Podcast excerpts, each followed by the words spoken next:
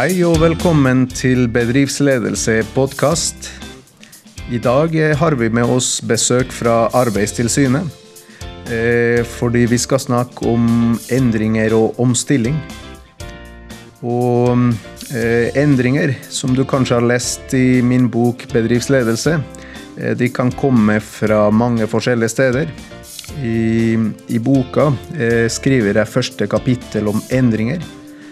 Eh, og der relaterer jeg dem til, til rammebetingelser, altså forhold som eh, finnes eh, enten innenfor bedriften eller utenfor bedriften, som kan påvirke hva bedriften kan og bør foreta seg.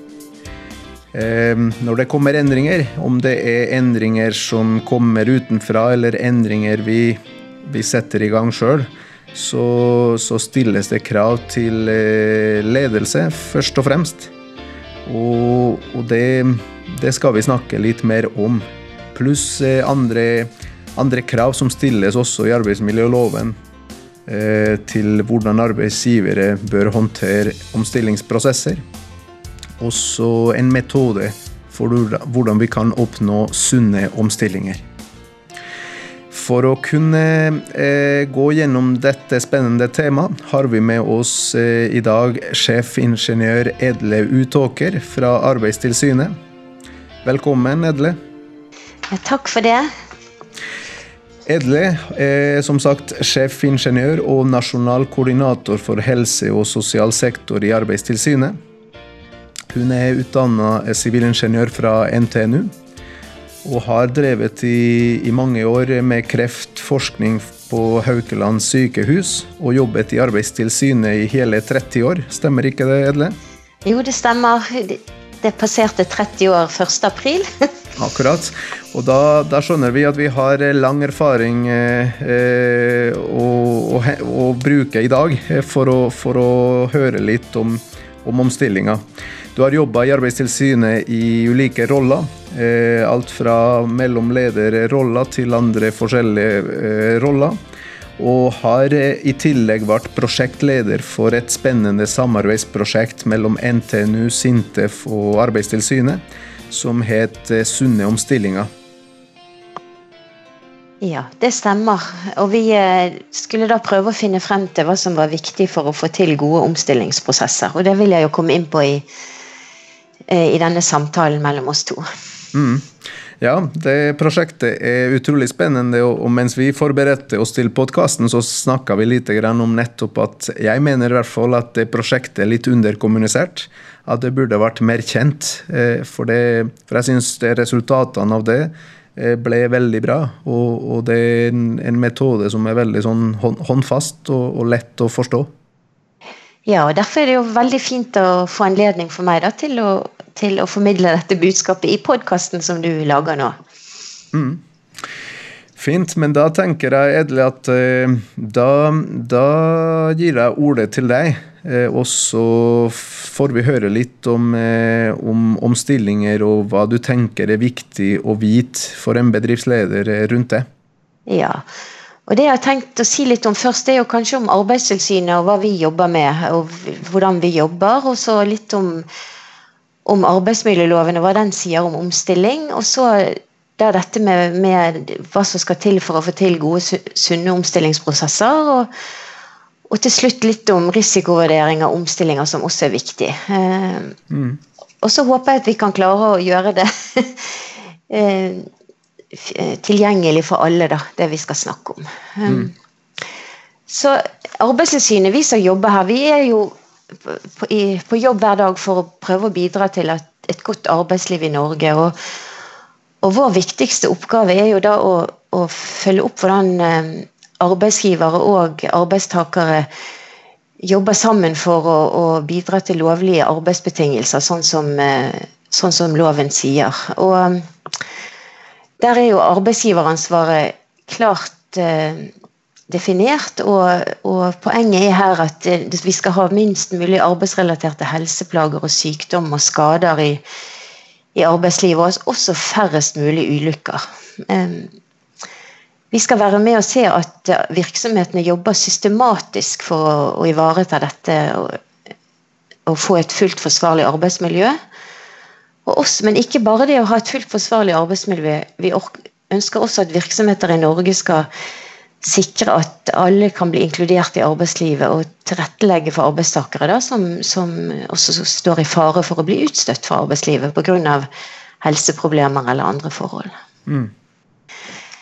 Og når vi da eh, skal prøve å bidra til alt dette, så har vi ulike virkemidler, og, og der er jo tilsyn eh, vårt virk, viktigste virkemiddel. Men eh, vi jobber også mye med veiledning, altså det handler om å spre kunnskap om, eh, om hva som er viktig å arbeide med for å få til et fullt forsvarlig arbeidsmiljø, og, hvilke konsekvenser det blir hvis en ikke får til et godt arbeidsmiljø.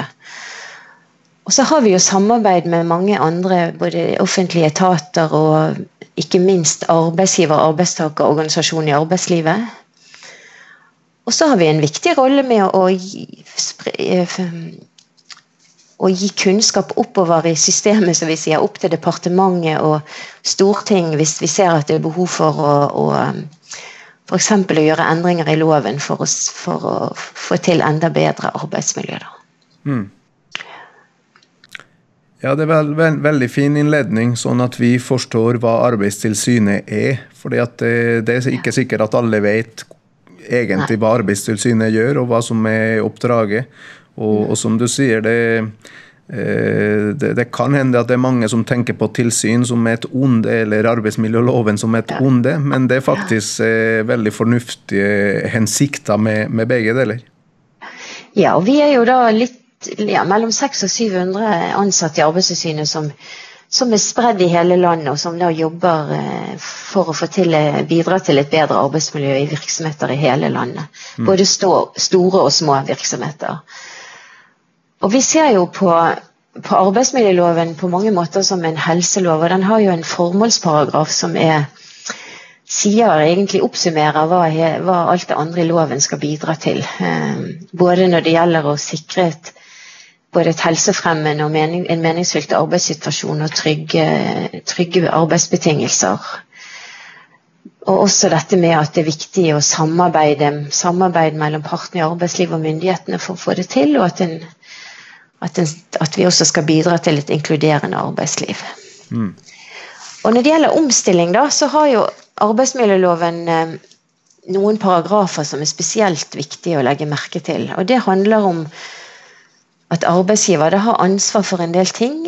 F.eks. når det er, er omstillingsprosesser som, som, vil ha betydning for arbeidstakernes arbeidssituasjon. Og det er jo, som jeg skal komme litt tilbake til, det er ikke store endringer som skal til for at det faktisk har betydning for arbeidstakernes arbeidssituasjon. Mm. Så må arbeidsgiver sørge for at, at de det gjelder, får god informasjon, at de får lov å medvirke i de prosessene som skal gjennomføres, og at de også får kompetanseutvikling, eller altså få nødvendig opplæring, da. F.eks. For i forbindelse med nye oppgaver for å ivareta kravet til et fullt forsvarlig arbeidsmiljø. Mm. Så det er, det er, viktig for alle å kjenne til, eh, til dette, som er da i arbeidsmiljølovens paragraf 4-2 nummer 3, som det står her. Ja. ja.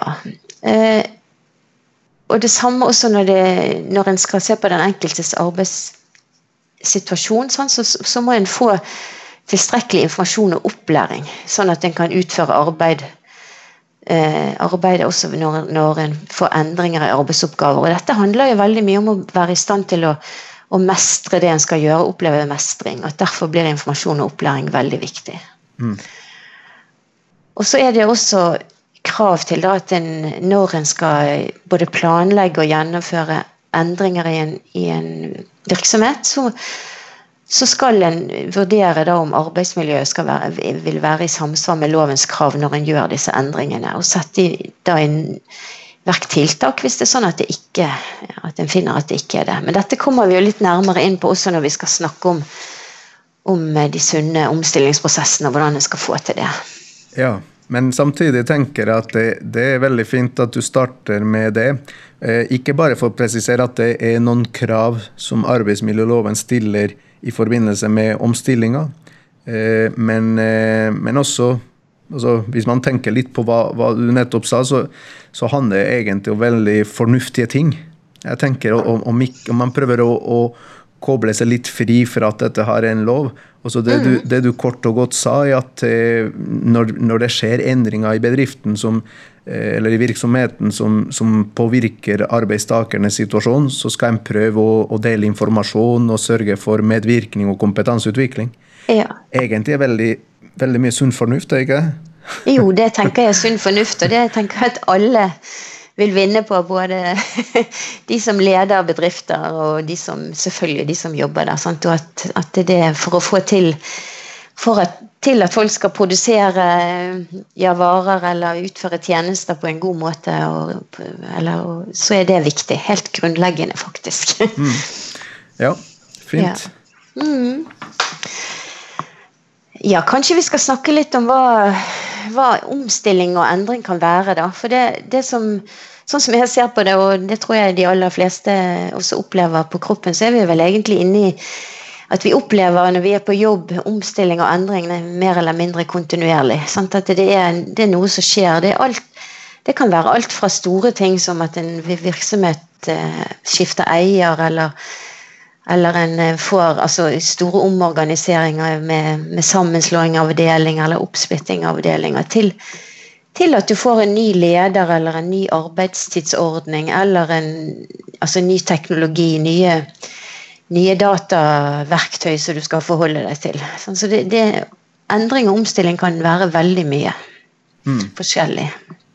Ja, det er veldig fint at du presiserer det nå i starten, for det var litt av det jeg gjorde også et lite forsøk på eh, innledningsvis. Med å koble det til eh, det, det, jeg omtaler i min bok som endringer i rammebetingelser. For det, det, det du sier her, er eksempler på det. At, ja. og, og, budskapet ditt eh, er at omstillinga skjer hele tiden. Ja, det mm. gjør jo det. og, og altså, med, knyttet til globalisering og digitalisering og, og alt dette, så, så, skjer det også bare hurtigere. Og, og, og, i hvert fall alle vi som jobber i offentlig sektor, har jo dette effektiviseringskravet over oss um, mm. hele tiden. Sånn, så dette, dette, tror jeg alle opplever på i, i arbeidslivet nå. Ja, og ikke bare i, ikke bare i offentlig sektor, tenker Nei. jeg. Det, det, er det du ja. nevnte om digitalisering, det er veldig veldig aktuelt i disse tider, og det, det tenker jeg det på tvers av sektorer. Det mm. treffer oss på ulike vis, eh, alle sammen. Mm. Absolutt. Og det som jeg i hvert fall tenker når jeg sier omstillinger, det betyr jo å endre på noe, sant? å gjøre noe annerledes. Og det, det er klart at det kan oppleves belastende og har negative konsekvenser. F.eks. Eh, hvis omstilling og endring betyr at en må nedbemanne og en mister jobben sin, så er jo det en negativ konsekvens. Men, men, ofte, så jo, men ofte så er det jo omstillingen og endringene nødvendige. Og, de, og i de endringene som skal gjøres, ligger det ofte også positive utviklings- og fornyelsesprosesser. Det at en kan få nye oppgaver, lære nye ting.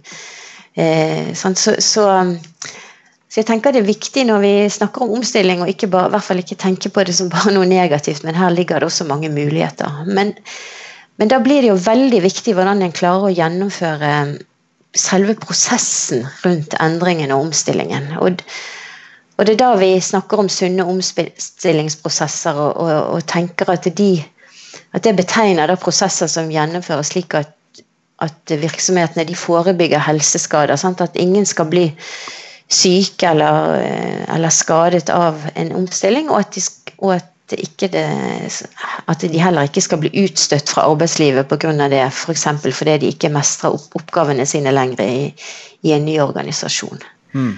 Det, og, og, disse omstillingsprosessene, de det, det er, altså, det er uavhengig av hvor, hvor, hva endringen er, om det er en, om, om det er en stor omstrukturering av virksomheten, eller om det er å ta i bruk nye arbeidsmetoder, så er selve prosessen med hvordan en skal få det gjennomført eh, altså Det er de samme tingene som er viktige å tenke på uansett. Mm. Mm. Og Det er jo da vi kommer til det forskningsprosjektet som du nevnte i din innledning også, som, som Arbeidstilsynet gjennomførte i samarbeid med NTNU og Sintef i 2005-2006. Mm. Og bakgrunnen for at at dette prosjektet ble satt i gang, eller at det ble satt av midler til det, det var jo at vi, Den gangen så sto jo Arbeidstilsynet selv oppe i en stor omstilling. Det var da vi ble regionalisert, og direktoratet vårt flyttet fra Oslo til Trondheim. Så en, for, for, oss var det en stor endring. Og da, da fikk vi penger for å, å, å, å jobbe med både for at Arbeidstilsynet selv skulle få økt sin kompetanse til til, rundt hva som er viktig knyttet til omstilling, men også at vi skulle Målet var da å utvikle eller finne kunnskap som vi også kunne bruke i, i vårt utadrettede arbeid, og som skulle da være viktig for, eh, for virksomheten i Norge. Akkurat. Så men, det var men ja. pro prosjektet jeg synes det, det prosjektet eh, var veldig spennende. Prosjektet handla ikke, eller prosjektet forska ikke bare på Arbeidstilsynet. ikke sant? Prosjektet mm. forska blant mange virksomheter, ja. hvis ikke jeg husker feil. Over 1000, var ikke det? På jo, tvers av bransjer. Vi, ja, vi var, vi had, altså vi var Prosjektet handlet om omstilling, eller vi var ute og gjorde mm, undersøkelser i mange virksomheter på tvers av bransjer. Helt riktig. og det mm det handlet vel egentlig ikke så mye om Arbeidstilsynet, selv om, selv om vi, da, vi som jobbet i Arbeidstilsynet, som var i, i, dialog med forskerne på NTNU og Sintef, mm. og samarbeidet med de, hadde også du kan si, våre egne erfaringer med egen omstilling med oss i, mm. i, i, i prosessen med å denne kunnskapen som vi samlet inn i, fra andre virksomheter, da, mm. hva det faktisk betydde. Det var, som ledet oss frem til da, disse fem faktorene som vi mener er viktige for å sikre de sunne omstillingsprosessene.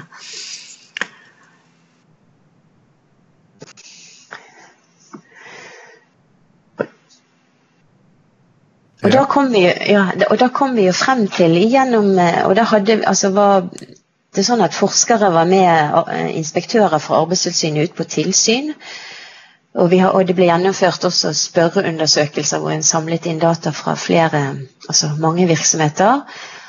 Og vi hadde mange seminarer hvor vi da, eller en del seminarer hvor vi da diskuterte disse funnene da, og kom frem til at det er fem forhold da, eller faktorer som er vikt, spesielt viktige for å få til disse eh, sunne prosessene. Og da er, handler det først om lokale normer på arbeidsplassen eh, om arbeidsstokkens mangfold og variasjon, om leders tilgjengelighet, om tidlig rolleavklaring og om konstruktiv konflikthåndtering.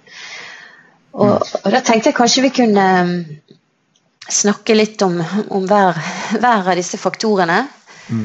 Veldig gjerne, men, men før, ja. før, før, vi går løs på det, det enkelte ja. punkt eh, Jeg tenker eh, at det, det, selve måten dette her ble forska på, tenker jeg er lurt å si et par ord om. Fordi at, eh, så, sånn at de, de som lytter på podkasten, skjønner at, at at de fem faktorene her er resultat av en forskning på tvers av bransjer, og dermed gyldig for alle. At det ikke gjelder bare spesifikke bransjer. Og at, og at, det, er, eh, at det, er, det, er, kvalitetsforskning. Og det, det, betyr rett og slett at, at de funnene her er, ser ut til å være gyldige. Ja, og de, altså, de, de, altså funnene er jo hentet fra på tvers av bransjen, mm. som du sier. sant? Og, og resultatene av, av, eh, forskningsprosjektet er jo både presentert på internasjonale konferanser og publisert i, i anerkjente internasjonale tidsskrifter. Mm. Og um, det er jo professor Per Øystein Saksvik da, på NTNU som var um, kan du si, leder for, eh, for prosjektet på ja, på forskningssiden. Da, og Det var jo et, et, samarbeid mellom Det var flere av hans masterstudenter den gangen som var med å, å utvikle dette. og, og um, så det, så det, er absolutt mm. Så dette er du kan si det er gjennomarbeidede resultater som er, er, er kontrollert av andre, sant, som er, er anerkjente. Helt riktig. Og det, var virkelig, det er altså virkelige bedrifter som ble undersøkt ja. i virkelige ja, omstillingsprosesser, ikke sant? Ja da, det var ja. det. Det var alt fra det var eh, bilbransje, det var helse- og sosialsektoren. Eh, det var eh, ja, altså, jeg husker, nå husker ikke alle, men det var, det var på tvers. altså Det var både serviceyrker, det var industri og det var helse- og sosialsektoren. Så det var mm. så, så, det var på tvers av bransjer, absolutt. Og det var både det var både store og små virksomheter. Mm. Så, så det, det tilsier jo at dette er gyldig da, for, eh, på tvers. Nettopp. Og de fem faktorene som prosjektet eller forskninga konkluderte med, det er rett og slett de, de fem, kan vi kalle dem kanskje suksesskriterier, som eh, bedrifter eh, så ut til å lykkes med, eller de som, som hadde gode omstillingsprosesser, eh, så ut til å lykkes med? Ja, det, altså Hvis en har oppmerksomhet de, mot disse forholdene da, og jobber altså, aktivt med det, eller, så, så, fikk de til bedre, gode prosesser, ja. ja. Mm. Mm. Fint. Ja. ja, da. ja så kan, kanskje vi skal altså Lokale normer på arbeidsplassen, det høres kanskje litt rart ut. altså Hva er nå det for noe, da? Men sant, det handler mye om, om hvordan det som vi i hermetegn kan si slik gjør vi det hos oss, eller det som sitter i veggene. altså Veldig mye av det som er uskrevne regler for mellommenneskelig samspill, men som, som ikke blir uttalt. Sant? Det handler om hvem som kan sitte ved lunsjbordet sammen med hvem. Hvem som kan eh, si hva på møter. Eh, mm. eh, altså hvem som kan, hvor, hvor, langt kan en gå når det gjelder å f.eks. Ha, ha mer eller mindre grove vitser i lunsjpausen sånne ting som, som, skjer på arbeidsplassen, men som, eh, som en aldri snakker om. Hva, når du kommer på en ny arbeidsplass, så må du bare prøve å finne ut av det ut ifra hvordan eh, folk eh, oppfører seg. Mm. Og at dette har da med, ofte med verdier i Hvilke verdier virksomheten har, sant, som, som, som, er uuttalt, og som, som, da setter grenser og legger premisser for hvordan en har lov å oppføre seg, også i endringsprosesser. Og det å, å, å, klare å sette dette på dagsordenen og snakke om det og få litt sånn bevissthet om hva er det ja, hva, hva er det som gjelder hos oss, da? Eh, det kan eh, bidra til å skape felles verdier og bygge tillit i organisasjonen. Og, og, og det er klart hvis en f.eks. har to avdelinger da, som, som, har et ulikt sett med sånne normer, skal slå seg sammen og begynne å samarbeide. Så vil jo dette ha, ha, stor betydning for hvordan de klarer å gjøre det. da, eh, ikke eh, Og at en da at altså Hva kan en da gjøre med det? Jo, en må jo det først, for det første De som da skal begynne å samarbeide, og som ikke har gjort det før, de må jo bli kjent med hverandre. sant? Og, og også prøve å finne ut om hvordan de ansatte oppfatter årsakene til endringen. og, og hvordan de tror at resultatene vil bli, og opplever at prosessen pågår. For, for hvis en, en, snakker om det, så vil en gjerne også få, få frem da, disse under, som, de underliggende antagelsene om hvordan det, det skal være hos oss. sant? Mm.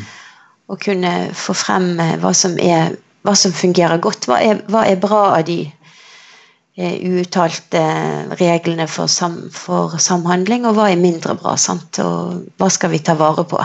Og hva skal vi f.eks. endre på når det gjelder det? Akkurat. Ja. Jeg vet ikke om det var forståelig. jo, du forklarte jo. det veldig konkret. Og, og, det første jeg tenkte på når du snakka om lokale normer og hvordan vi gjør det hos oss, var begrepet bedriftskultur eller organisasjonskultur. Mm det, det, det, er mye av det det handler om. Normer og verdier som, ingen, som ikke står skrevet noen plass, men som likevel er der. Ja, sant. Og som mm. styrer veldig mye av samhandlingen på arbeidsplassen. Jeg tror alle vil altså kjenner seg igjen i det hvis en, hvis en begynner å tenke, altså, tenker igjennom det. Men, tror, men, ofte så tenker vi jo ikke på det i det hele tatt. Vi bare følger med, eller vi bare, vi bare er inni det sånn som det er, og, og, og oppfører oss deretter. Ja. Så, um, og dette, dette, tenker jeg er i hvert fall et veldig viktig tema der hvor, det er, hvor en skal ha en, få nye, nye samarbeidskonstellasjoner. Sant? Og, mm. Men for så vidt også er, er viktig når en på en avdeling skal se på å gjøre andre endringer, hvor, det, hvor allikevel dette med, med, normene vil spille en rolle, og hvordan en oppfatter det, og, en, og hvordan en skal gjøre det. Riktig. Så denne første, denne første faktoren handler rett og slett om å, om å prøve å håndtere de lokale normene. Eh, og og ta dem på alvor og, og, skape felles forståelse og forhåpentligvis etter hvert kanskje felles normer. Ja, sant? Og, og også kunne å være villig til å vurdere om det er om en skal gjøre justeringer av normen eller endre på normene. Sant? Og altså, at det, kan- det kan jo være ting som, som faktisk ikke er så ok, eh, Ja. som en har lov å gjøre på arbeidsplassen, som, eh, som, som en faktisk bør forbedre eller endre på. Ja. Sånn, Og og her er det jo også viktig da, at, en, at, alle, at alle bidrar. Og det er klart at da må en jo på, i, i, på de møteplassene en har på, arbeids, på arbeidsstedet, sant, prøve å, å, å rett og slett å sette det på dagsorden og, og, og, og konkretisere det abstrakte. Sant? Eller Ja. snakke om det abstrakte. Ja. ja. Som, som jeg tenker kan være krevende, men, jeg, men absolutt er mulig hvis en eh, ja, hvis en, hvis en tenker på det og gjør det, da. Mm. Mm. ja, så, det, så er det jo dette med at eh, ja, vi, alle vi som jobber på en arbeidsplass, er jo, er jo forskjellige. Sant?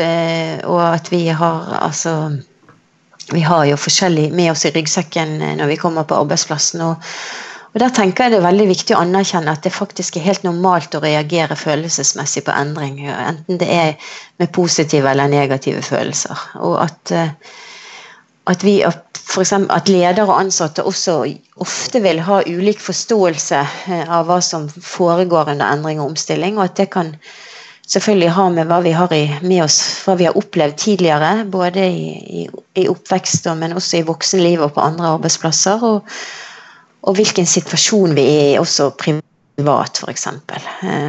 Sånn at det, å tenke gjennom det sant, og være klar over det. eh, Så er det jo også sånn i omstillingsprosesser at, og, og på alle arbeidsplasser er det kanskje noen personer som eh, ja, vi kan kalle for nøkkelpersoner, eller som er, som er de som gjerne uttaler seg sterkest eller høyest, eller som, som folk spør eller lytter til. Og at, det, at da blir gjerne det de sier, sannheten, uten at det nødvendigvis er det. Sant? At det kan være helt andre, andre sider ved omstillingen eller opp, hva som egentlig foregår, enn det som nøkkelpersonene uttrykker. Akkurat. Ja, og at, eh, og at vi også må være klar over at det, at det ofte oppstår interesse, interessekamper sant, i endring og omstilling. At, vi er, at det kan selvfølgelig være interesse, ulike interesser hos ledere og ansatte, men også hos, hos grupper av ansatte sant, og, og ulike avdelinger og sånt. Og at, det der, at en at en del av det som da foregår, kan handle om eh, ja, om interessekamper, eh, is- istedenfor det å, å være opptatt av å få til en, eh, en god endring eller omstilling. Mm. Mm. Um, og at det at det da, dette også er viktig å, å da jobbe med å tenke på ja, hva betyr det da at vi er forskjellige? At vi, vi som jobber på en arbeidsplass, og hva kan vi gjøre med det? Eh, og da er en av de tingene vi, vi har sett det viktig at det kan være behov for å bringe inn ek, noe ekstern kompetanse i disse prosessene. Eh, som, som, eh, som kan ha altså, bedre kunnskap om hvordan en tar opp eh, altså ulike reaksjoner. Sant? Ulike følelser rundt dette med endring og omstilling. Og da er jo f.eks. bedriftshelsetjenesten, som eh, veldig mange virksomheter i Norge skal ha, kan være en ja, kan være noen som har kompetanse til dette. Mm. Og så tenker vi at det er viktig å ha fokus på, på sårbare grupper. Altså de som ikke er de som snakker høyest eller, eller tydeligst får frem eh, hva de ønsker. Eller som, som, som også, det kan være også grupper som er, er mer utsatt enn andre i selve endringen. Sant? At endringen blir større for de, eller at det til og med risikoen for å miste arbeidsoppgaver er større. Mm. At det da er det behov for eh, ekstra oppfølging. Mm. Um, og da og så er det jo også sånn da at uh, både verneombud, som alle, ja, alle virksomheter med flere enn ti ansatte skal ha, og også tillitsvalgte, altså fagforeningstillitsvalgte, har en viktig rolle i dette, i tillegg til ledere, som vi skal komme inn på. Men, og at det er viktig at de er i dialog med de de skal representere. Verneombudet representerer jo alle på en arbeidsplass sant? og skal være, være med og se til at arbeidsmiljøet for de blir fullt forsvarlig. Akkurat. Og så, og så, tenker vi et annet tiltak at det kan være istedenfor å møtes på, på store allmøter eller store personalmøter, at det kan være viktig å ha dialog i, i små grupper. Eh, sånn at alle kan få komme til ordet, og at, det da er lettere å få til en, en, åpen dialog om hvordan en opplever det, og, og også hva en ja, hvordan hva en ønsker skal skje. Mm. Så, så, dette her handler veldig mye også Den er faktor nummer to i de fem faktorene som kjennetegner sunne omstillinger. Denne faktor nummer to den handler veldig mye om, om å prøve å, å, å, ivareta mangfoldet. At folk er forskjellige og både reagerer forskjellig og uttrykker seg forskjellig. Jeg likte spesielt godt det du nevnte om, eh, om at no, noen, eh, noen snakker kanskje høyere eller, eller er litt tydeligere når det skal tas opp eh, ulike problemstillinger i, i disse endringsprosessene.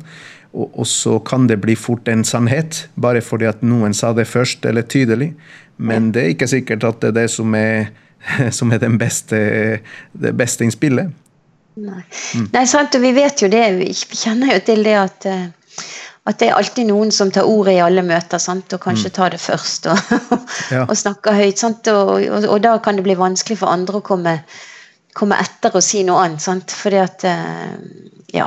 Eh, så, så, så, det tenker jeg, der har jo arbeidsgiveren og lederen spesiell plikt da, til å også altså prøve å få frem, få frem synspunkter fra alle. Ja. Og, ja sant?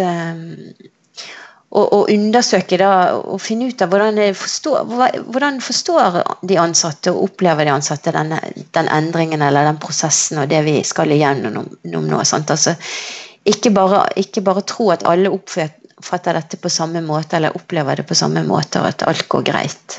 Mm. Og at det da kan være viktig å stoppe opp underveis og sjekke, særlig hvis det er en stor organisasjon hvor det skjer, skjer endringer på ulike nivåer, at en også sjekker ut hvordan det oppleves i det ytterste leddet i en organisasjon. Ofte så er det god, god kontakt på toppen mellom, mellom eh, toppleder og gjerne tillitsvalgte og verneombud som sitter på toppen, men at det kan bli vanskeligere jo lenger ut i organisasjonen du kommer. Sånn. Så det, mm det, det, er egentlig mange perspektiver her som hun må se på. Ja. Alt etter størrelsen på virksomheten. Da. Ja.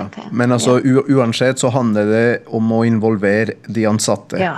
Om det er små, bitte små bedrifter som eh, står overfor endringer, så handler det om å involvere ansatte. Ja, mm. jeg tenker på en, lit, en liten virksomhet, så, så, er det jo virkelig veldig viktig å få med alle sammen. Hvis du, hvis, du, skal oppnå suksess. For ellers, altså, det er jo jo færre du er, jo viktigere kan det være å få med absolutt alle sammen for å, for å nå det resultatet du skal. Sant? Så, ja, det var et veldig ja. godt poeng. Ja. ja, ja. Um, så er det jo sånn at dette at ledere har en, en en helt avgjørende og sentral rolle i, i, omstilling og endring. og at de, altså de har jo et stort ansvar, det er nå én ting, men, de, men de, hvordan de klarer å håndtere situasjonene også vil være veldig avgjørende. Og det vi vet, er jo at uh, behov for informasjon øker drastisk under omstilling. Og, og, at, altså, og, og, at, uh, og dette vil bidra til å redusere usikkerhet og stress. for for vi blir jo usikre hvis vi hører at det skal gjøres en endring mm. i arbeidshverdagen vår. Og at da er det spesielt viktig at den nærmeste lederen er tilgjengelig for de ansatte. Og, og aktivt til stede, som jeg sier her. Sant? Jeg skal komme litt inn på og det han aktivt til stede, da tenker jeg også at en eh, må være i, aktivt i, i, kontakt med ansatte. Mm. Sine ansatte. Og og at det med å ha ansikt-til-ansikt-kommunikasjon, eller altså ha dialog, og ikke bare informere eh, ja, via på intranett eller på e-post eller på SMS. Sant? At det at en faktisk kan eh, ha, ha, dialog, blir veldig viktig for å få frem både spørsmål og få, få svart og få, og få ja, at, at, alle får, får høre hva det, hva det egentlig er som foregår. da. Mm. og så er det jo i en organisasjon så er det jo ofte at en har formelle arenaer mellom, mellom ledere og, og verneombud og tillitsvalgte, hvor, skal, hvor, dette skal diskuteres eller drøftes, som det heter ofte. Men at, eh, men at, det også er viktig med uformell eh, informasjonsutveksling under ti, eh, og, eh, altså underveis. Akkurat. Og at det med Jo mer informasjon du klarer å få frem, jo tid, tidlig som mulig, jo, jo mer kan du hindre ryktespredning. Og ryktespredning krever jo mye energi hvis det først settes i gang. Antagelser om hvordan ting Akkurat. skje. Ja. Så det du sier at eh, faktor nummer tre det er altså det at eh, ledere er tilgjengelig. Først og fremst for, eh, i forhold til informasjonshåndtering. Og så det siste punktet du nevnte, var dette med, med at eh, det er fort gjort at i, i, forbindelse med endringer så begynner folk å anta ting. Og da, mm. og da og vi, vi, Spesielt kanskje hvis man mangler informasjon, er ikke det? Jo. Jo, jo, mindre informasjon du har, eller, og, eller fra informasjon fra de som faktisk vet hva som foregår, for å si det sånn, eller vet hva som skal skje, jo mer kan, kan det dannes antagelser om hva som holder på å skje, eller hva som skal være resultatet av det som skjer. Kan, kan f.eks. dannes rykter om at noen skal miste jobben sin, som ikke er, er reelt i det hele tatt. Som, som, virkelig kan skape utrygghet og, og, og stress. Riktig. Så, og, og, her, og, her, er det også sånn da at, eh, at når jeg sier den nærmeste leder Hvis du har i en, i en, liten virksomhet så er det kanskje bare én leder, og da vil jo denne, dette med å, å gi enklere, altså nå er alle ansatte, men, men, hvis du har en organisasjon med, med, flere, som er så stor at du har flere ledernivåer, så er det ofte så er det jo de mellomlederne eller de lederne som er nærmest de ansatte, da, sant, som har den daglige oppfølgingen av de ansatte, som, som er den som må være i dialog med, med de ansatte. Og, må, og selvfølgelig da også må ha ha, ha, ha, også ha informasjon om hva som skjer. Mm. Og, det, og det også, de, de, blir også ofte utsatt i, i, disse endringene, at de kanskje ikke vet, vet alt eller har all informasjon som finnes. Eh, men da er det jo faktisk viktig at de også sier altså at hvis en ikke har noe mer informasjon, at en også sier det. Men, og da tenker jeg at det er å møtes ansikt til ansikt igjen i kanskje i litt små grupper. Mm. Og, og, Sånn at en kan få til dialog og så gi informasjon og fange opp hvilke spørsmål eller hvilke, hvordan ting blir oppfattet av de ansatte, og få avklart eh, ja, eh, ting som kanskje har blitt, blitt, satt ut noen rykter om at det ikke er tilfellet. At det blir veldig viktig for, for, for, for all usikkerhet krever jo også energi fra folk når de Da blir det kanskje snakk i gangen eller på kontorene, som vi sier. Sant? At en bruker mye tid på å diskutere antagelser som, ikke, som faktisk ikke er reelle. da. Riktig. Ja. Mm. Og, og det, det, som er, det, jeg tenker er viktig for lederen, er jo da at, den, at lederen en, eh, i hvert fall har en åpen dør til kontoret sitt og kan, og kan ta imot ansatte når de stiller spørsmål. og at og da ikke sitter og ser på PC-en sin eller er opptatt av andre ting, men faktisk snakker med de mhm. ansatte når de kommer. Ja. Og, og, og, også at de, hvis de har mulighet, vil være en styrke hvis de selv oppsøker ansatte. Men, men, det, kan, men, men det, kan, også hende at denne lederen trenger støtte fra andre ressurspersoner, enten fra, fra bedriftshelsetjeneste, fra en HR-avdeling, eller altså fra for, å, for, selv å klare å stå i dette med å, å, å trygge sine, sine, medarbeidere. Da. Mm. Mm. Ja, det, så, så, den eh, tredje faktoren, leders tilgjengelighet, av de fem faktorene som, som, eh, som kjennetegner sunne omstillinger, den går altså ut på at ledere skal prøve å være mest mulig til stede og ivareta informasjonsbehovet. Og jeg likte veldig godt eh, Du, du, du ga mange gode eh, tips og råd her, men, men jeg, jeg syns det var spesielt interessant det du sa om at å fortelle at en ikke har mer informasjon, er også informasjon. Det, ja. det syns jeg var interessant, som kanskje er fort gjort å glemme. Ja, sant, for å fortelle at så langt er vi kommet, og det dette vet jeg, og vet, mer vet jeg ikke. Sant? Men så fort så fort jeg får vite noe mer, så skal, så skal ja. dere også få vite det. Sant? Altså, å skape trygghet rundt det er, er, veldig viktig. Ja, En annen ting jeg, jeg også syns var spesielt interessant, er at du snakker om uformelle eh, samtalefora eller arenaer. Ja. At, at, det ikke bare på de formelle møtene en har med, med ansatte eller tillitsvalgte, men, men, at det kan være så enkelt som at i en pause eh, at man også er med som leder og, og, og deltar litt i, i diskusjonen, og, og, kanskje er med på å, avmystifisere ting som måtte dukke opp. Ja, jeg tror det. Altså I en lunsjpause eller altså, i, Altså at det nettopp at en er til stede og kan, kan, lodde stemningen litt, som vi sier i. Bergen i hvert fall. At det, sånt, det, ja. Eh, det er, det er, det er veldig viktig i disse prosessene. Og det, og, men det vi ofte ser, er jo at ledere blir fanget, blir fanget i møter med, altså med, andre ledere i sånne prosesser for, for, å jobbe med ting og avklare ting. Men at de, det at de faktisk er til stede for, eh, for medarbeiderne sine, er, er veldig viktige. Og det må de ikke glemme. mm. Mm. Ja. Nei. Ja. Så er det jo i, eh, i, i sånne endringer så, så, er det jo ofte Så kan en ofte oppleve at det, at det, blir endringer i den eh, arbeidssituasjonen du har. Enten at du får, at du får nye oppgaver, f.eks. Og da er det fjerde faktoren her som dette prosjektet Eh, kom frem til, er dette med tidlig rolleavklaring. og I det ligger det at, vi, at alle ansatte må få vite så, så tidlig som mulig sant, hva som forventes av dem. Eh, både i, altså både i starten av prosessen, gjennom prosessen og også i, eh, i en eventuelt ny organisasjon, eller når nye, nye, arbeidsmetoder er tatt i bruk, eller nye verktøy er tatt i bruk. Mm. Og at det, at det, vil bidra til å forutsigbarhet. Og hvis vi har forutsigbarhet sånn, så vil jo det også bidra til å skape trygghet. Og, og er det noe som er viktig for å få til, disse, få til prosessene godt og ikke tape mye energi til bekymring, så er det jo å skape trygghet. Um, mm.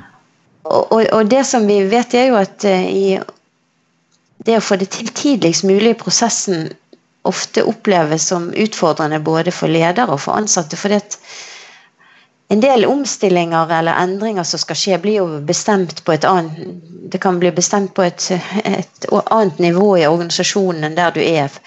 Og en del ting er også politisk bestemt. Sant? Eller det blir bestemt på et høyt nivå i en, i en organisasjon som Og så skal endringen skje langt, langt hos de som jobber på gulvet, eller de som da utfører arbeid i praksis. Mm. Um, men, men, men, det men, altså, tidligst som mulig er, er, et poeng her. Og,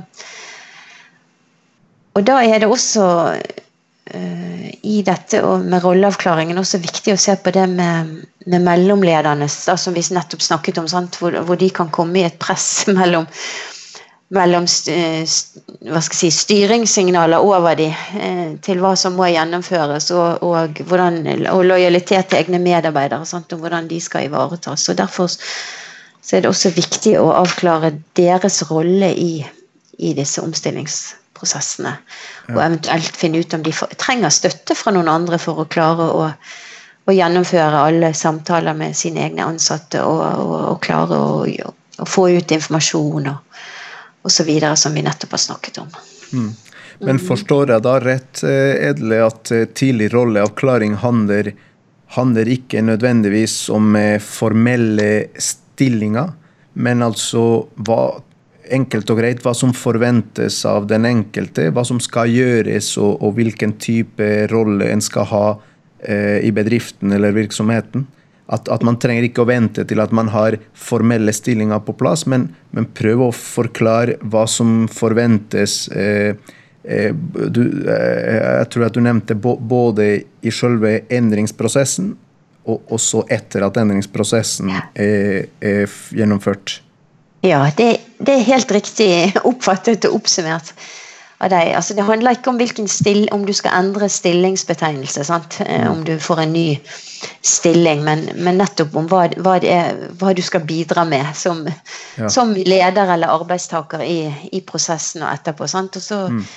hender det jo at en, eh, ja, så kan, kan, det jo bli endring i selve stillingsbetegnelsen òg, men, men det, det om du, hva, du, hva, du, skal gjøre, hva du skal bidra med i, prak, i praksis, for å si mm. det sånn. Sant? I, ja. ja. det er det det handler om. Og, og det er klart at jo tidligere du da kan få vite om du får nye arbeidsoppgaver, da, sant? også når, når, endringen eh, er gjennomført. Og, og, så, så, skjer jo det gjerne som en, en, en, gradvis overgang, men også at det da at en får kartlagt og finner ut hva er det da behov av, av, um, for, av opplæringstiltak. For, eller hva, hva, trenger du eventuelt da av, av ny opplæring eh, for å, for å mestre den, de nye oppgavene, og, og, som du da skal påta det enten underveis eller og, og til slutt. Sant? At det å mm. Og um, altså at en er tydelig på hva som forventes eh, fra dag én og, og, fremover, og at en også og da, da kan det være nyttig f.eks. å kartlegge arbeidsoppgavene som er, som er, er, i organisasjonen, eller i hvert fall som organisasjonen skal ha når en er ferdig med endringen. Sant? Og, også da høre på hva de ansatte ønsker å arbeide med. For det, det kan jo hende at eh,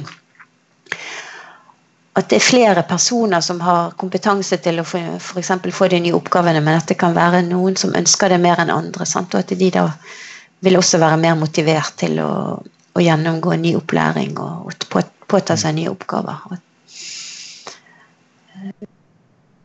Så, så det med roller avklaringen og hva, hva en skal gjøre, henger også mye sammen med, med, å se på hva det er behov for av, av opplæringstiltak. Og, mm. og, hvordan en skal, skal, gjøre det da, med å lære ja, lære å håndtere nye oppgaver. Mm. Men dette her høres eh, Jeg tenker at umiddelbart at, eh, at vi snakker om omstillinger og endringer. Og så, og så sier den fjerde faktoren om sunn omstilling at, en, at ledelsen skal prøve å, å gi tidligst mulig rolleavklaring. Og så tenker jeg ofte i endringer vet vi faktisk ikke hva vi skal endre på engang. Eller hvordan ting skal endres. Eh, så, så det, det, punktet her må, må, må være vanskelig eh, å, å, gjennomføre i praksis, er ikke det? Jo, det, det, altså det, vil jo være vanskelig hvis en ikke vet hva en, hva en skal Altså hva, hva, som skal være resultatet i den, altså i den andre enden av en endring eller omstilling. Hva, mm. det, det, men da må en jo først finne ut det, da. Hva er det vi skal, vi skal endre? Riktig. Så den kartlegginga, ja, det var kanskje den kartlegginga ja, ja. du snakker om? At det er viktig å Ja, kartlegge. Sant? Hva er det Altså hvilke arbeidsoppgaver har vi i dag? Det vet du kanskje. Men sånn, hvis, hvis, hvis, en skal gjøre en organisasjonsendring, da, at en skal begynne å ja, produsere nye ting, eller at en skal altså, ta i bruk nye arbeidsmetoder, at, noe, at noen skal slutte å gjøre, andre ting en skal begynne å gjøre, at en, eller at en faktisk må eh, ned, altså, redusere antall ansatte for å, for å komme i havn økonomisk, hvordan skal en da klare å ivareta altså Hvilke arbeidsoppgaver skal en da fortsette å gjøre, hva må en eventuelt eh, redusere på, og hvem skal gjøre hva? sant? Mm. Eh, hvis en skal slå sammen avdelinger som, som har jobbet med ja, både ulike ting, men også til dels det samme. sant? Eh, hvordan, hvordan vil dette bli når en har slått sammen avdelingen? Hvordan vil det komme til å se ut? og hva hva forventes da av, av, Altså hvem skal gjøre hva, og, og hvordan skal vi da gjøre folk i stand til å gjøre det, da. sant? Ja. ja. ja. Nei, det var, det var, et interessant ja. punkt, dette ja. med tidlig rolleavklaring. Men det ja. fins en siste og femte punkt i, i, den modellen. Ja, og, jeg tenker hvis, ja, og det jeg tenker her er at hvis en har jobbet godt med de fire første eh, forholdene eller faktorene her, så vil en kanskje unngå å måtte eh, håndtere konflikter eller unngå konflikter. Men hvis det nå mm.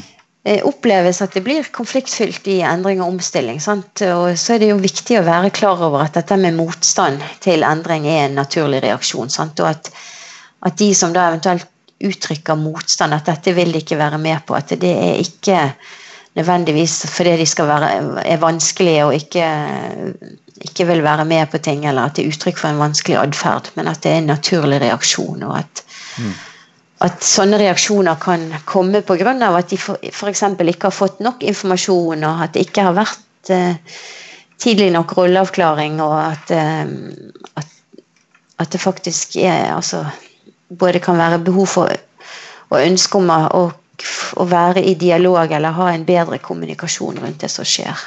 Mm. Og at det da er viktig også å kan, prøve å kanalisere denne energien som ligger i i en konflikt eh, i en konstruktiv retning. Sant? Og prøve å, å høre, høre, på hva, hva finnes det av forslag til løsninger og, og, eller alternativer til hvordan en kan gjøre ting og finne løsninger sammen. Mm. Og, da håndtere konflikten som en, mulig, en mulighet og, være veldig bevisst på at en ikke personifiserer det. Sant? At en ikke behandler uenigheten som den personen eller som som noen, men som, som, det, altså, som, det, selve uenigheten handler om, altså saken. Sant? At det er noe, det er en, en, eller annen sak eller et eller annet et forslag til løsning eller et eller annet en er uenig om. At det er det en må se på, og ikke på personen. Ja. Ja peke på personen. Sant? Mm. For det vil, vet vi jo vil jo bare eskalere en konflikt. Sant? Hvis, mm. altså, når en Hvis en skal ta ta mannen og ikke ta ballen, så blir det bare øker en jo konflikten, for å si det sånn. ja. ja. ja. I disse dager med fotball-VM. ja, ikke sant? si det sånn. ja. Eh, så, så, da er det jo Da tenker vi også at det, det er viktig i sånne prosesser at, at, at ledere da faktisk tåler å stå i en, stå i en situasjon hvor ansatte ja, har en utblåsning. Eh, kanskje altså sier ting kanskje på en litt mer sint og aggressiv måte enn det en liker, syns er greit og liker, men at, at, en, to, at en, tenker at det, det, kan være naturlig i en sånn situasjon, og at en da ikke viser motvilje, men mm. lytter. Sant? Og at en faktisk oppmuntrer til åpenhet og, og, og tåler å, å, høre ting. Altså jobber med å tåle å høre ting som en, eh, som en kanskje syns er tøft. ja. Og at den uenigheten der som kommer frem, kan også skape ny forståelse sant? og mulighet for Altså ny forståelse kan, kan, faktisk komme opp andre alternative løsninger som kan være, kan være like bra sant? som de en, de en ledergruppe kanskje har sittet og sett på er, er løsningen, eller mm. så, ja, så det handler mye om å, å, se på mulighetene som ligger i denne motstanden. sant? Mm. Ja. Og så at en da også når en, når en eh, skal se på altså, hva er det du må gjøre for å få til den endringen, for å komme i mål med det du skal, skal, endre, så er det jo viktig også for at ledere da synliggjør eh, hvorfor altså de har, gjør, tar disse beslutningene som de gjør, sant? Og, og, og går igjennom hvordan en har prioritert, eh, og, men samtidig ser på om om det ligger noe felles interesse her med motparten. Sant? Altså Det som oppleves som motparten, om det faktisk er noe felles, mm. felles her uh, som kan tas inn. Ja. Ja og, og, og, det, og, involvere da alle. Sant? Eh, for, for, for, med en gang vi opplever å bli involvert i en, i en prosess og bli hørt, om ikke, om ikke, vi får gjennomslag, men bare opplever å bli hørt, sant? så øker vi, og får vi også økt forståelse for hva som, foregår, sant? og hvorfor det blir som det blir. Mm. Så det, hele tatt det der å finne ut hva er det motstanden handler om. Altså At det ikke bare er vanskelig atferd, men at det ligger her ligger det kanskje eh, både synspunkter og forslag som kan være, kan være viktige å, å, vurdere, og kanskje kan, kan være med å, å, få til en best mulig beslutning. Ja. ja. Eh, Edle, jeg likte spesielt godt hvordan du starta dette siste punktet om konstruktiv konflikthåndtering, for du starta med et veldig godt råd.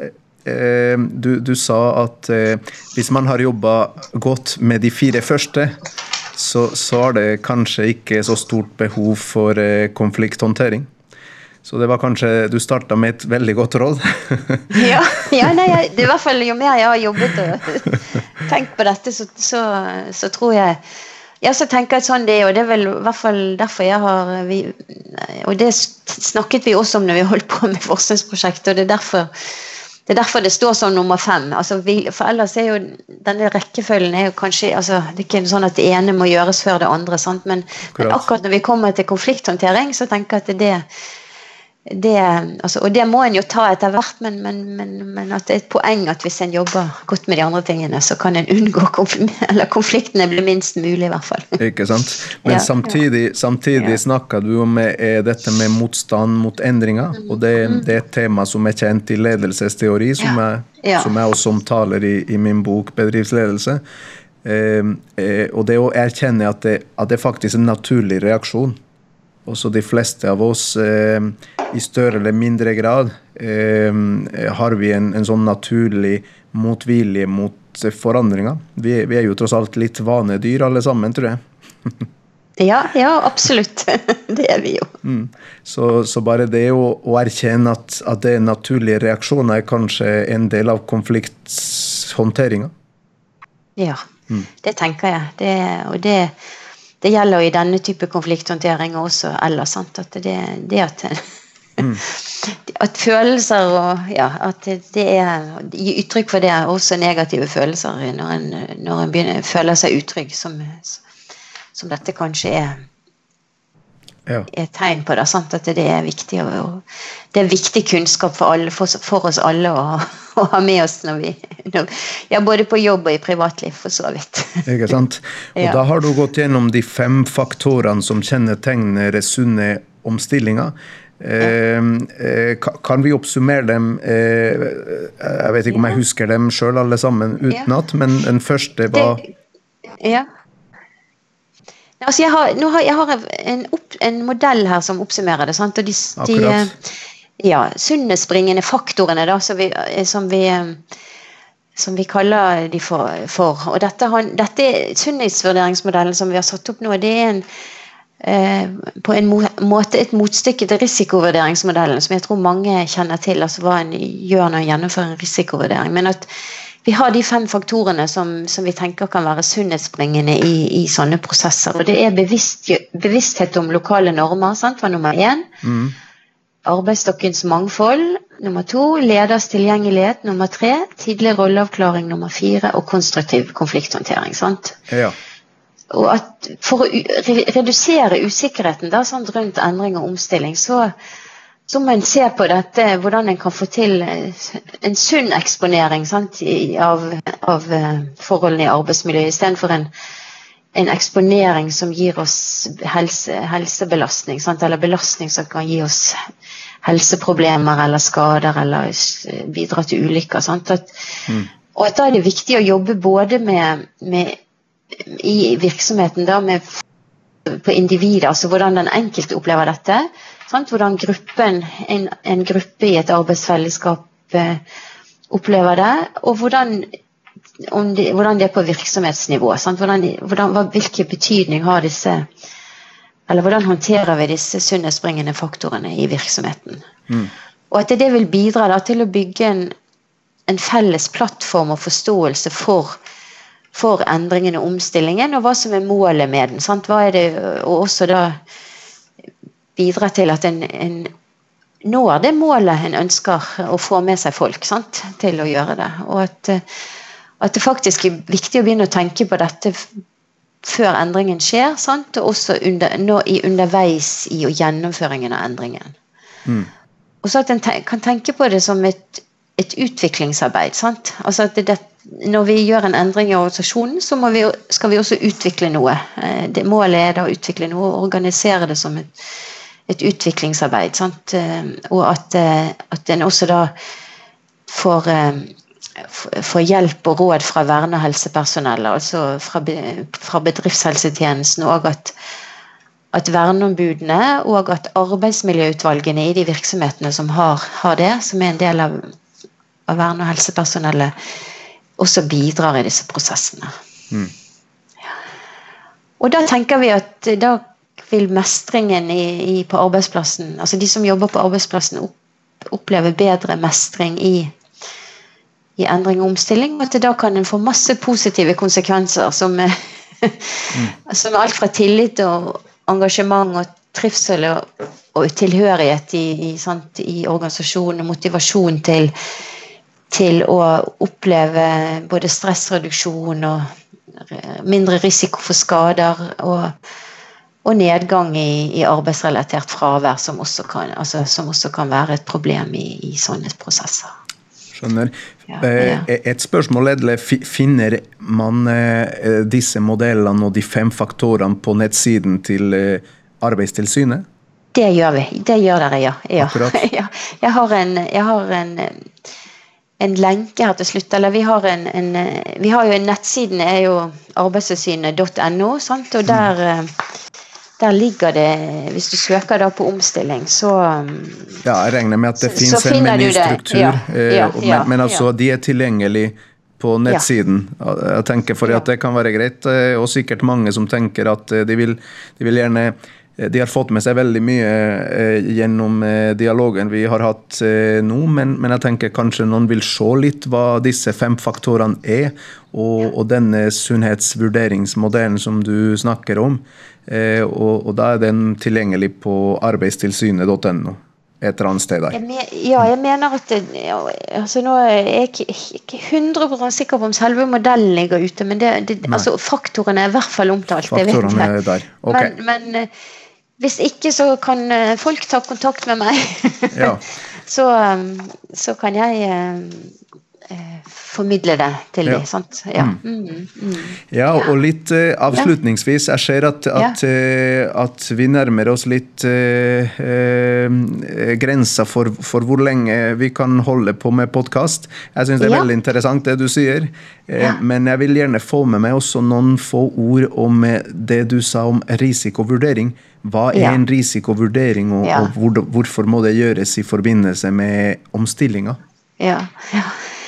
Altså, tenker, jeg tenker også for, for, å sikre at vi skal ha et fullt forsvarlig arbeidsmiljø, da, sånn, så er det jo også viktig å fange opp hva som kan, hva som kan eh, bli, opp, bid, altså, bli, bidra til farer og problemer sant, som kan gi risiko for uheldige belastninger og skade og sykdom, også i, i sånne prosesser med endring og og omstilling. Sant? Og da er Risikovurdering et verktøy for å, å finne ut eh, hvilke konsekvenser det har eh, for arbeidsmiljøet når en, når en vurderer, kan ha for arbeidsmiljøet når en skal gjennomføre både planlegge og gjennomføre endring.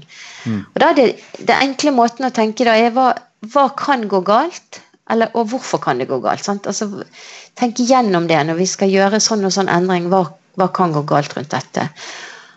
Og hva kan vi da gjøre for å hindre at det går galt? Altså sette i verk det som vi kaller for forebyggende tiltak, eller tiltak da som vil gjøre at i hvert fall eh, risikoen for at det skal gå galt, blir mindre.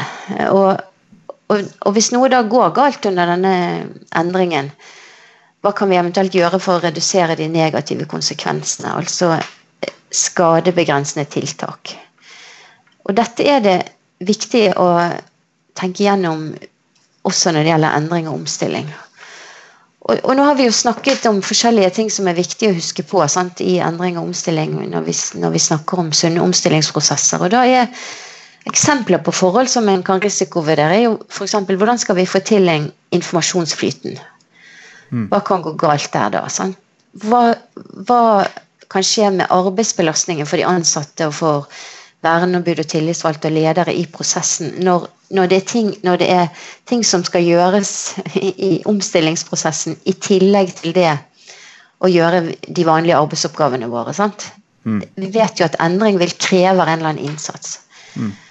Hva, kan, hva kan, skje, gå galt hvis eh, de ansatte ny, må, skal få nye arbeidsoppgaver? sant? Mm.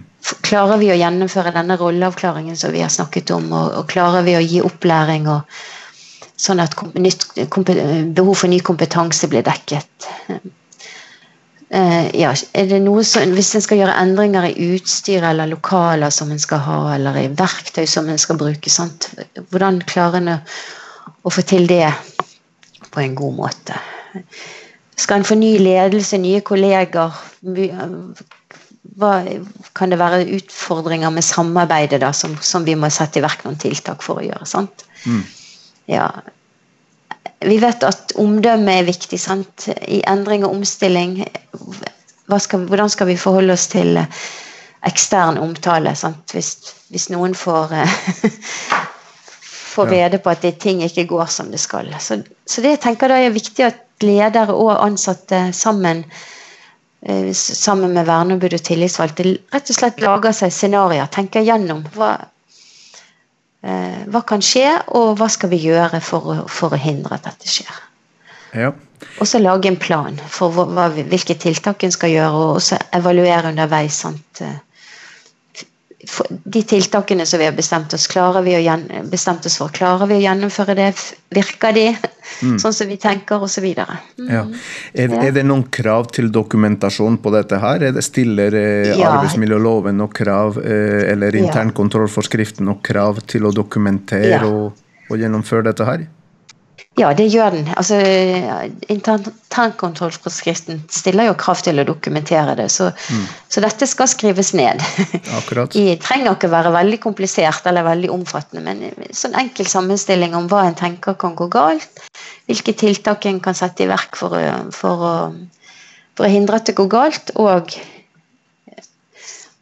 hva som eh, og, og når det er gjennomført. Sant? Det er det en trenger å, å dokumentere. Riktig. Ja. ja nei, men det, det, Jeg likte veldig godt at du forklarte det enkelt. Du hadde en enkel oppskrift. fordi at ofte, jeg tenker spesielt små bedrifter, eller eh, bedriftsetablerere, eller, eh, eller, eh, eller for den saks skyld ledere som jobber i større bedrifter, men som kanskje ikke har så mye erfaring med risikovurdering, kan tenke at dette her er kjempevanskelig og avansert. og, og, og det er på en måte det, og det fins kompliserte verktøy, men, men, jeg likte veldig godt at du sa at det trenger ikke å være så veldig avansert, og man trenger ikke å bruke kjempestore, avanserte verktøy. Det, det fins enkle oppskrifter for å, for å, gjøre dette her. Ja. ja. jeg tenker jo enklere jo bedre her. Og så tenker jeg at, vi, at, at en kan bruke de møteplassene som vi har snakket om er viktige når det gjelder å få til gode, sunne prosesser. Sant? At en kan mm. bruke de samme, samme møteplassene, med, med, gjerne i små grupper, og være i dialog med, med, med de ansatte og med verneombud og tillitsvalgte osv. For, for også å gjøre altså, tenke gjennom disse tingene som vi nettopp har snakket om knyttet til risikovurdering. Mm. Sånn at dette, må, dette foregår parallelt og som en del av det daglige arbeidet, rett og slett. Mm. Mm. Veldig bra. Eh, Edle, du har, eh, det er tydelig at du, at du, har veldig mye kunnskap om det temaet her. Eh, men jeg syns likevel at du har klart å komprimere eh, noe så, så, omfattende som eh, omstillinger i, i, veldig, i, veldig, kort tid. Eh, vi skulle gjerne ha snakka om hver enkelt punkt i timevis. jeg hører at det, det er veldig mye mer å fortelle om det her. Eh, men samtidig er det viktig at vi, ikke, at vi ikke sliter ut eh, våre lyttere. Eh, jeg vet at de fleste som, som hører på podkast, bruker gjerne en halv time, tre kvarter maks på å høre på dette her. Men det, vi utelukker ikke at kanskje du har anledning senere, på et senere tidspunkt til å stille på en ny podkastepisode og kan fortelle kanskje eller utdype noe av det, av det vi har vært gjennom i dag. Ja, det kan jeg gjerne gjøre. Det, det går helt fint. Mm. så det, det, jeg, det, Dette er et veldig viktig tema som, som, som, egentlig Jeg tror de aller fleste i norsk arbeidsliv blir berørt av. og da, Jo bedre prosesser det går an å få til, jo bedre blir det også på arbeidsplassene i Norge, tenker jeg. ja. Ja. Hvis jeg skal oppsummere det du har eh, hjulpet oss med i dag, er at du har fortalt først eh, litt om rammene i lovverket, litt om arbeidsmiljølovens krav eh, knytta til omstillinga. Og det er viktig å kjenne til det. I tillegg har du fortalt oss eh, hva omstillinga kan være for noen ting, og hva som kan forårsake omstillinga.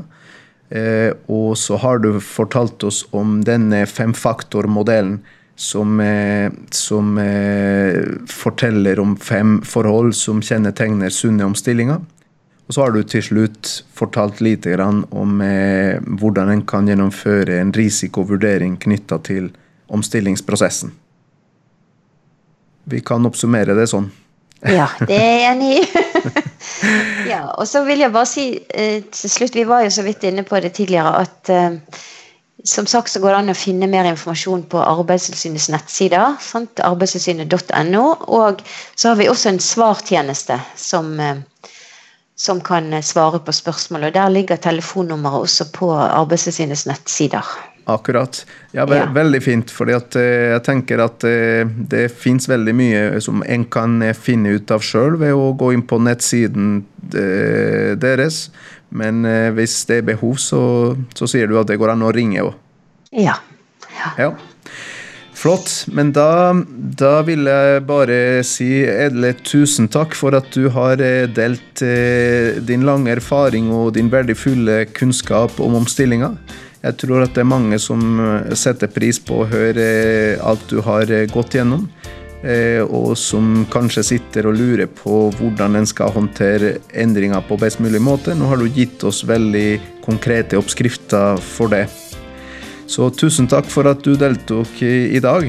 Eh, og så, som sagt, kanskje finner vi en ny anledning til å, til å snakke litt mer om, om noen av de områdene vi har vært borti. Ja, jeg er veldig glad for å ha kunnet bidra i dag, og jeg, og jeg bidrar som sagt gjerne mer hvis, hvis det passer.